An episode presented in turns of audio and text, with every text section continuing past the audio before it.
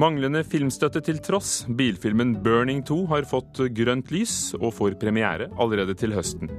I dag avgjør Høyesterett om PST skal kunne beholde og se råstoff de tok hos filmskaper Ulrik Imtias Rolfsen. Ung, sint mann brenner ned asylmottak i teaterstykket 'Fjordmann'.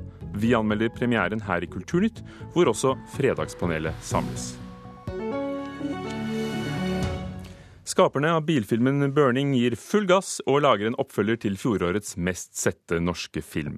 Innspilling til det som skal bli en bilfilm på vinterføre, begynner i februar, og det går fort unna i svingene. Filmen skal ha premiere allerede neste høst. Det til tross for at eh, produsentene hele tiden har sagt at det er umulig å lage filmen uten statlig pengestøtte gjennom Norsk Filminstitutt. Det er bare helt vilt. Altså, vi har jo gått og venta og venta. og venta. Vi har jo søkt nå sju ganger overfor Filminstituttet på å få støtte på burning. Og når vi har fått det sjuende avslaget, da tenker vi sånn så. Da kjører vi i gang. Vi gir flatt jern. Regissør Halvard Brein og produksjonsselskapet Filmkameratene kan ikke vente på statsstøtte lenger. 'Burning 2' må filmes på snødekte norske veier i vinter. Vi skal lage verdens første bilfilm på vinterføre. I seg selv så er jo det en kjempeutfordring. Nå er det isete veier og spreke fjelloverganger og Nei, det blir drita gøy. Virkelig bra. Og så glad blir en Burning-fan av den nyheten. Over 20 000 har meldt seg inn i Facebook-oppropet Ja til Burning 2. Robin Kjernsmo var den som starta sida. At vi i Norge kan lage si, vår egen vri på Fast and Furious, det måtte jo bare bli suksess. Når er en får sjansen til å være med på noe sånt som dette her, her? Og se hele det flotte landet vårt på denne måten? Ja, og den farta. Over 380 000 nordmenn så 'Burning' på kino i fjor, og filmen fikk fire Amanda-priser. Produsent Jon Jacobsen med filmer som 'Veiviseren', 'Max Manus' og 'Trolljegeren på samvittigheten' mener det nærmest er blitt et folkekrav å få se en Burning-oppfølger. Man ønsker seg Burning 2, og det skal de nå få. Og det uten statlig filmstøtte, til tross for at Jacobsen i februar påsto at det var klin umulig. Det er umulig. Nei, det var ikke et spill for galleriet. Vi, eh, det er en relativt stor risk for oss. Vi har fått eh, større bidrag fra våre samarbeidspartnere enn det vi trodde vi ville få. Det er jo mange som tar risken på dette her, for oss å få dette gjort. Og det at Norsk Filminstitutt har avslått alle søknader om filmstøtte til Burning, mener Jacobsen svekker imaget til NFI. Burning er den filmen som på en måte publikum absolutt vil ha, og jeg mener at det er usmart av dem å ikke være med på dette prosjektet. NFI burde stå på publikums side. Også styreleder i Norske kinosjefers forbund, Arild Kalkvik, mener NFI bør bli flinkere til å raskt prioritere oppfølgere til store publikumsfavoritter. Vi som driver kino, ville synes at det var bra hvis det hadde gått litt fortere med en del av disse. For, sånn som oppfølgere òg. Du bør ikke vente i for lang tid før det kommer en oppfølger hvis det skal ha noe stor effekt. Altså Den som fikk uh, tilskudd i uh, forrige runde, er jo en oppfølger. Produksjonsrådgiver i NFI Arve Figenschou tilbakeviser at publikumsfavoritter ikke blir prioritert, ettersom filmer som Askeladden og Solan og Ludvig har fått filmstøtte det siste året. Burning har rett og slett ikke nådd opp. Det er jo begrensa med rammer her i huset, så man kan aldri gjøre alle til lags. Det er harde fakta, selvfølgelig. Burning-skaperne gir ikke opp å søke igjen om filmstøtte før fristen går ut neste uke. Og igjen og igjen. Ja, Vi har Burning 3 klar allerede, så det er bare å kjøre på. Smelle på. Flatt jern. Regissør Halvard Brein til reporter Torkil Thorsvik.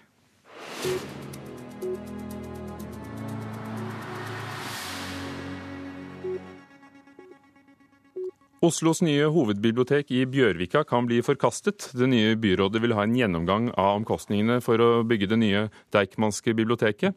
Prosjektet sprekker med over en halv milliard kroner og er utsatt med tre år. Og finansbyråd Robert Steen sier til Aftenposten i dag at dette er så stort og omfattende prosjekt at de trenger mer tid før de bestemmer seg.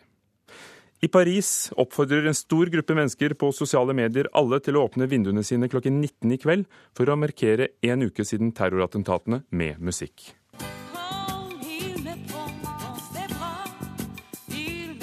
Folkene bak har laget en spilleliste med moderne franske klassikere, som La Vie en Rose med Grace Jones. Og de vil at alle skal spille for full guffe, siden terrorister ikke lytter til musikk.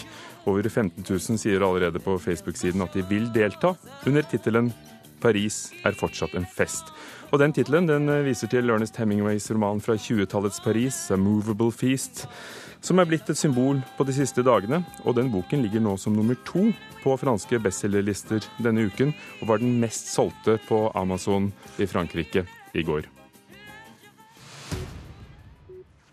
I dag avgjøres saken mellom Politiets eh, sikkerhetstjeneste PST og filmskaper Ulrik Imtias Rolfsen i Høyesterett. PST gikk 8.6 i år inn i Rolfsens leilighet og beslagla opptak til en dokumentarfilm han lager om det islamistiske miljøet i Norge. Norsk redaktørforening hjelper Rolfsen i saken og frykter for konsekvensene om han skulle tape. Mye av journalistikken bygger jo på at noen får lov til å være anonyme av ulike årsaker. Det sier generalsekretær i Norsk redaktørforening, Arne Jensen.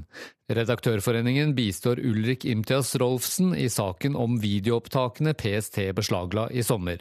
Men hva står egentlig på spill i denne saken? Hva skjer om Rolfsen taper? Ja, det som kan skje da, er at mange eh, vil unnlate å snakke med eh, journalister eh, fordi de er engstelige for at uh, ting som de har sagt, havner i politiets hender. Men skjer det ofte at journalistikken avslører viktige historier ved hjelp av anonyme kilder? Ja, det gjør det. Veldig mye av avsløringene innen helsevesenet, korrupsjon, salg av forsvarsmateriell til eh, Nigeria bl.a.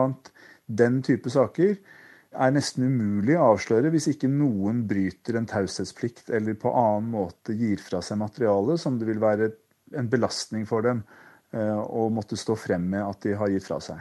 På den annen side handler denne saken om terrorbekjempelse. Det har kommet fram i retten at den kjente islamisten Ubaydullah Hussein selv forsøkte å hindre at opptakene havnet hos PST. Hvorfor, kan man jo spørre, om videoopptakene ikke inneholder viktige bevis som politiet trenger. Generalsekretær i Norsk Presseforbund, Kjersti Løken Stavrum, bruker terroren i Paris for å forklare. Jeg tror at for mange så eh, vil det være enda vanskeligere å forstå hvorfor vi mener at journalister ikke skal bidra til å gjøre politiets oppgaver. Men jeg tror det er viktig å snu på det og si at eh, nå, etter alt som har skjedd i Paris, så ser vi hvor mye overvåking politiet driver med. Eh, det fører til at veldig mange stemmer kommer til å bli tause.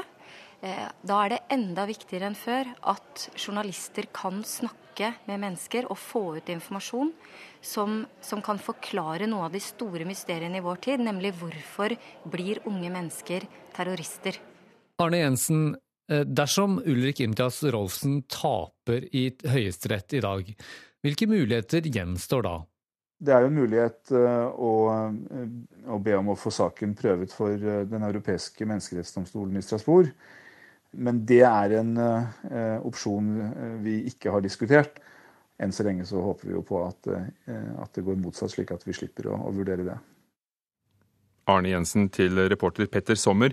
Det lyktes ikke NRK å få en kommentar fra førstestatsadvokat Jan Fredrik Lent, som fører saken for PST i går.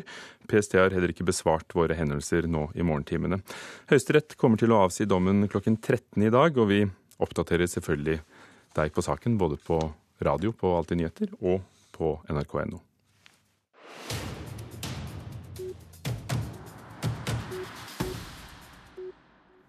I går kveld hadde stykket 'Fjordmann' urpremiere på Sogn og Fjordane Teater i Førde.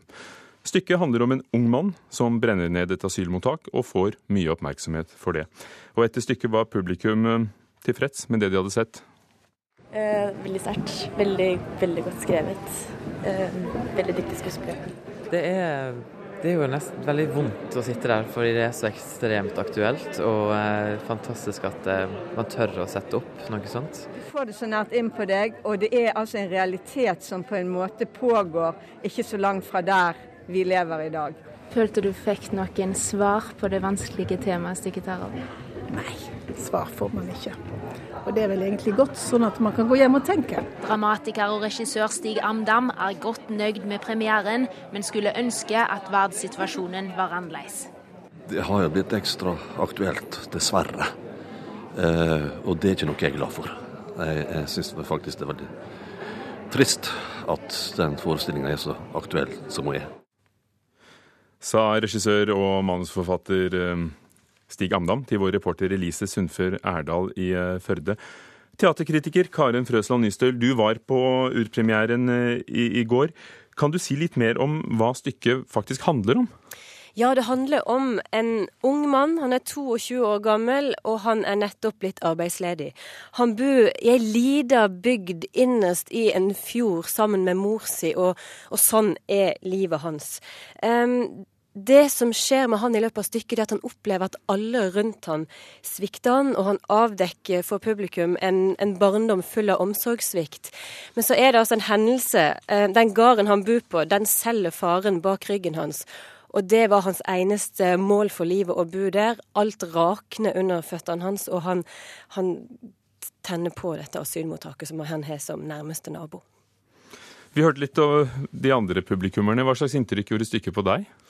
Det var veldig tankevekkende. Og litt av grunnen til det var at stykket var jeg holdt på å si, befriende fritt for religion. Og det var veldig lite politisk, egentlig.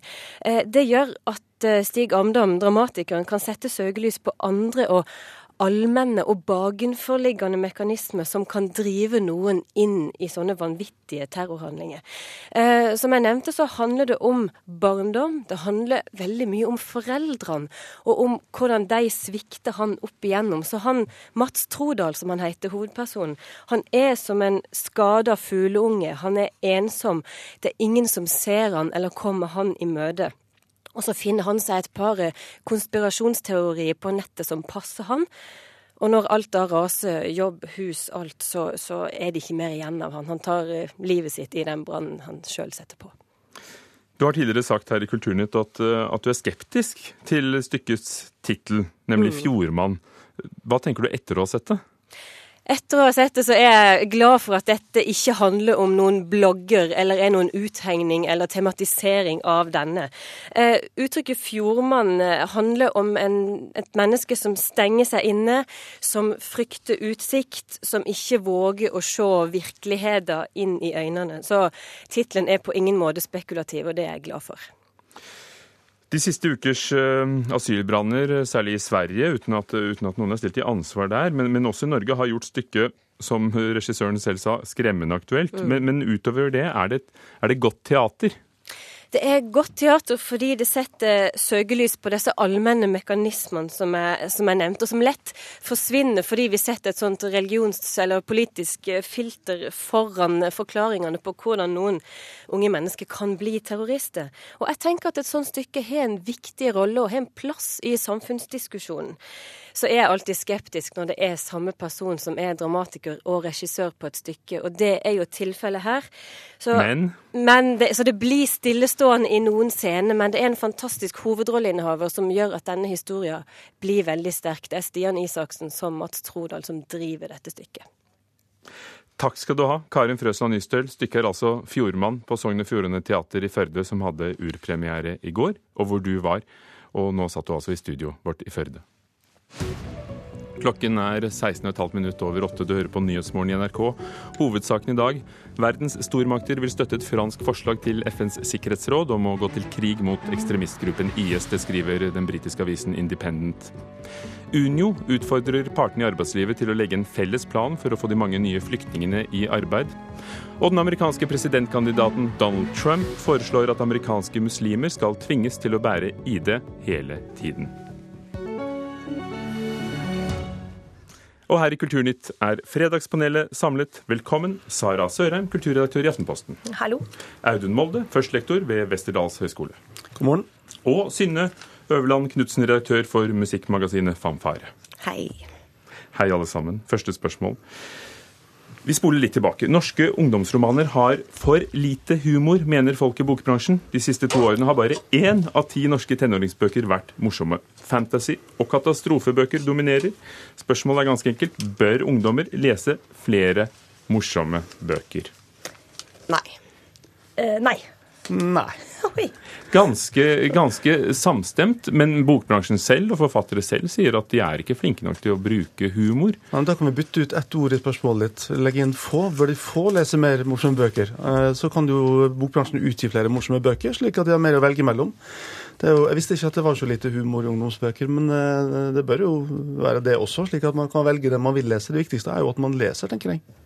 Ja, for det var det jeg tenkte på på vei hit også. Jeg prøvde å gå gjennom i hodet mitt hva jeg leste som ungdom selv. Og det var mye rart. Eh, og ingenting som eh, kan betegnes som høyverdig litteratur, tror jeg nesten. Men poenget er, som du er inne på, eh, det viktigste er å lese. Og jeg har bare tro på at når det gjelder lesing, så er kvantitet nesten viktigere enn kvalitet i disse formative årene. Så bare det å få en vane som er å sitte med en bok og lære seg å like det, det er det jeg er mest opptatt av. Så det er ikke så viktig om det er krim eller humor eller Nancy Drew eller sagaen om isfolket, for den del. For du ble jo kulturredaktør i Aftenposten, så det, det, har jo gått bra? Jeg har ikke sagt det til sjefen min, så vi får holde det mellom oss. Men jeg, jeg, jeg, vil heller liksom gå tilbake sånn Hva er humor? Fordi det høres liksom, I den diskusjonen her så høres det ut som man kan liksom industrielt produsere humor. Mm. Eh, og jeg vet ikke helt hva det er, jeg. Bare sånn humor, sånn, Jeg klarer ikke å bli enig med mine nærmeste hva, hva man skal le av engang. Så det kan jo hende at det, Jeg, jeg stoler ikke helt på statistikken. da. Jeg tror man, det finnes noe morsomt der som kanskje er i en alvorlig, eh, på en måte vanlig alvorlig sjanger. da. Mm. Eh, så humor finnes vel overalt, men det trenger jo ikke å være en humorbok med stor H. Men, men det jeg tenker er en fare. Jeg vet ikke om det, har, om det, er sånn nå, men jeg ser jo for meg at, uh, at alt det gøye er på internett. Det vet jo alle. Så uh, hvis bøker skal bli et sånt alvorlig sted du må gå til for å ta inn over deg verdens grusomheter, da har man et problem. Mm. Da blir det ikke attraktivt å, å, lese bøker. Bøker må også kunne være lett underholdning når man har behov for det. Men, uh, men jeg tror ikke vi er der. Og så er humor veldig undervurdert. da. Humor må ha status. Men er enig med deg, Synne. Altså, humor er viktig i alle livene våre og folk imellom. Men å produsere humor er kanskje vanskelig å skrive gode bøker med humor. Eller lage gode Nesten som å skrive godt, godt om sex? Ja, ikke sant. Og, altså, det er veldig mye som jeg syns er morsomt, men jeg syns veldig sjelden at sånn industrielt produsert humor er så veldig morsomt. Da. Enten det er uh, TV-show eller uh, standup-komiker, syns jeg sjelden er morsomt, f.eks. Det som i hvert fall ikke kommer til å funke, er hvis noen forlagsredaktører uh, Eh, no offense, men hvis de bestemmer seg for at nå skal vi lage noen skikkelig gøyale bøker ja. for kidsa, så de skal le, det tror jeg i hvert fall ikke er en god plan. Nei, det er det verste. Jeg tror vel det som ble sagt i reportasjen, var at eh, folk i bokbransjen trodde at forfatter og forlag var redde for at Kulturrådet ikke ville kjøpe dem hvis det var for mye humor i dem. Men, men det... at det godt kunne handle om alvorlige ting, selv om man lo underveis. Men det er veldig mange morsomme mennesker i Kulturrådet. Utrolig nok. Jeg tror vi går videre før vi utbroderer. Riksrevisjonen, apropos råd, har gransket kulturen. Mer penger til kultur de siste ti årene har det blitt, men de har ikke gitt folket mer opplevelser, kom de til. De har dekket økte lønns- og driftsomkostninger til de store institusjonene. Er den rød-grønne regjeringens kulturløft dermed mislykket? Nei. Nei, det vil jeg ikke si. Nei. Eh, hvorfor ikke? Fordi Riksrevisjonen sier at det, det ble ikke noe mer kultur av det. Nei, altså, men, men bare, Mislykket er et for sterkt ord, for det var også mange positive konsekvenser. Det var derfor jeg måtte dra på det. Men, jeg satte det på spissen. Det gjør jo dere her. Det gjør vi dere journalistene. ja, men uh, det var nok ikke like vellykket i realiteten som det så ut som på papiret. Og det mener jeg blir tydeligere og tydeligere. Og uh, tanken om at du bare kunne øke pengestrømmen, og så skulle det ordne seg, var nok litt naiv. For vi ser at eh, den eh, pengekrana som ble skrudd opp, den mm. førte jo ikke til at det ble mer kvalitetskulturinnhold for publikum. Men hvis den ikke ble skrudd opp, hadde det da blitt mindre, i og med at da måtte pensjonene og lønningene vært betalt av det de hadde fra før av? Ja, men det som jo skjedde under de rød-grønne og under Kulturløftet, var at kulturindustrien vokste, eller kulturnæringen vokste. Og, og det ble mange flere arbeidsplasser, det ble mange flere ansatte. Mye positivt å si om det, men det er nok ikke sånn at det er et marked marked for alle. Så det ble litt kunstig høyt eh, nivå på antall ansatte og litt høye personalkostnader i forhold til hva du egentlig har et reelt marked for. Mm. Altså Det åpenbare fine med Kulturløftet er jo at uh, budsjettet kom opp på et anstendig nivå. da, uh, Og at man satte seg noen mål, og at det skjedde noe. Men enig i det, altså det har jo vært en evaluering av dette. da. Enger-utvalget har evaluert det, og funnet også at den kulturelle grunnmuren lokalt, som fritidsklubber, kulturskoler, biblioteker eh, har stagnert. Og levekårene for kunstnere har ikke blitt noe bedre. Kulturproduksjonen har ikke økt, og publikum har ikke økt nevneverdig. Så må, vi må jo ha et nyansert uh, syn på dette her. Kulturpolitikk er ikke noe som som er fullført. Det fortsetter jo den kontinuerlige prosess. og Kulturløftet var på ingen måte mislykka, men man må ikke stoppe der liksom, og tenke at nå har vi 1% av statsbudsjettet, og da er det greit. Man må jo fortsette å jobbe derfra. Bl.a. Med, med levekår for kunstnere, og ikke minst digitalisering, som er den største utfordringen i dag. Ja, nei, jeg tror vi, Hvorfor man sier nei, er jo fordi at man ikke kan si har det blitt eh, flere publikummere, eller har det blitt eh, mer kultur? Ok, nei, da, da har, er det feila. Det er jo ikke bare de to kriteriene man skal vurdere om Kulturløftet har Om det har lyktes, så har lyktes på noen punkter og feila på andre punkter. Mm. Og det er vel, men eh, nei, sånn på sånn Hvis man skal spisse, da. Har ikke Mm. totalt sett. Men det er en utfordring til kulturpolitikerne om at eh, det er faktisk Og da syns jeg Bård Vegar Solhjell, som i høst starta en debatt om kulturpolitikken og hvordan man egentlig skal skape god kultur Man kan i hvert fall slå fast at det hjelper ikke bare å gjødsle med penger. Eh, Du må ha en litt smartere politikk enn som så. Men, men kan Eh, det ja. være at det også å det å gjødsle med penger, som du kalte det, ta bort grunnen under, eh, under, de, under private initiativ? Fordi det vil ikke lenger lønne seg. Hvis, hvis det offentlige støtter kulturlivet får så mye penger, så blir det vanskeligere for private å, å drive og skaffe seg publikum til teatret f.eks. Kanskje ikke ta bort grunnen, men eh, veldig mye av disse pengene har jo gått til, eh, til idrett, det har vi ikke snakket om, og det har gått til kulturhus. Eh, Og det har gått til eh, begivenhetskultur, som Enger-utvalget kaller det, altså festivaler. Eh, Private må jo fortsatt greie seg selv. altså Levekår for kunstnere har ikke blitt noe nevneverdig bedre. Det er det institusjonelle kulturlivet som har fått et løft, men de fleste i kulturlivet er jo næringsdrivende. Er, er kultur næring? Hmm. Skal du, skal du stille det spørsmålet, Ja. og så skal jeg liksom svare på det? Ja. Nei. Eh, ja, det også. Musikkjournalist Arild Rønsen ble utsatt for sterk kritikk denne uken. Som dere skjønner, vi bytter tema. Og ikke bare kritikk, også sjikane fra mange anmelderkolleger. Da han valgte å anmelde Eagles of Death Metal på bloggen sin, bare dager etter at bandet sto på scenen under terrorangrepet i Paris. Var det for tidlig å anmelde platen til bandet som sto på scenen den dagen for en uke siden? Nja, men så har han ikke gjort det heller. Nei, det var egentlig altfor seint og altfor tidlig. Ja. Det var for sent og for tidlig? Nei, så Poenget er at det var feil timing. Uh, er, altså, han kunne skrevet om dem for lenge siden, det hadde de fortjent. Uh, han kunne skrevet om dem nå, fordi mange lurer på hva slags type band dette er. Det var mange som ikke hadde hørt om dem før Paris. Men måten han gjorde det på, og det han brukte som knagg, som det heter på dette språket, uh, var bare rett og slett helt direkte umusikalsk. Han, han skriver at Eagles of Death Metal nå har skaffet seg verdensberømmelse. Som om, dette, som, om, som om de på en måte har gjort noe som, som de skal være glad for at har skjedd. Altså, det, det, er, det er bare tonen der som er helt skivebom, uten at jeg tror det var tilsikta.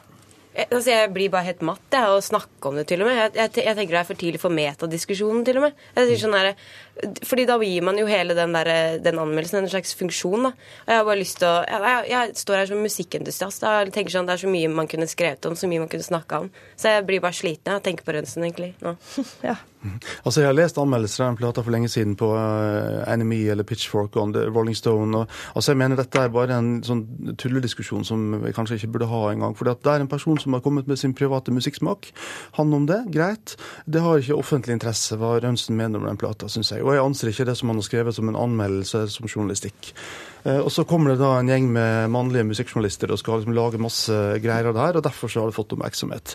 Det er en liten andedam. Det er ikke viktig i det hele tatt. Men det er noe med det som er viktig, da. Eh, Jeg er helt enig i at eh, i denne sammenhengen er ikke Arild Rønsen viktig. eh, Og ikke den teksten. Den er, det er en dårlig tekst som er egentlig helt uvesentlig.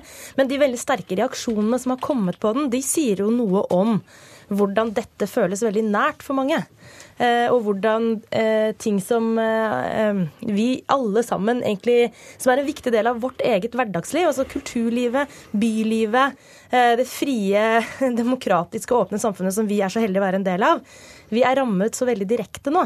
Og de følelsene som kommer i kjølvannet av den teksten, de kan jo virke helt ute av proporsjoner. Men jeg tror det handler om at folk rett og slett føler at dette her er personlig, og det er veldig smertefullt. Mange i Norge kjente folk som ble drept på konserten. Og det er klart at i den sammenhengen der, så, så er det bare rett og slett Det er ikke så rart at det vekker sterke følelser, denne teksten. Nei, altså, men det er jo helt enig i alt du sier. Det er helt umusikalsk. Eh, og det er bare dumt. Men man trenger ikke liksom komme med masse personangrep på han som har skrevet det likevel. Man bør bare la det ligge.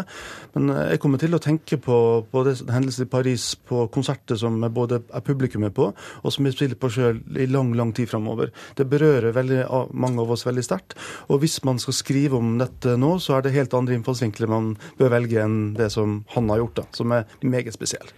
En innfallsvinkel vi, eh, vi hører om fra Paris i dag, er at klokken 19, en uke etter terrorangrepene, så oppfordrer folk, og det er mange titusener som, som, kommer til å gjøre det, sier de, til å åpne vinduene, balkongdørene og sette musikk på full guffe.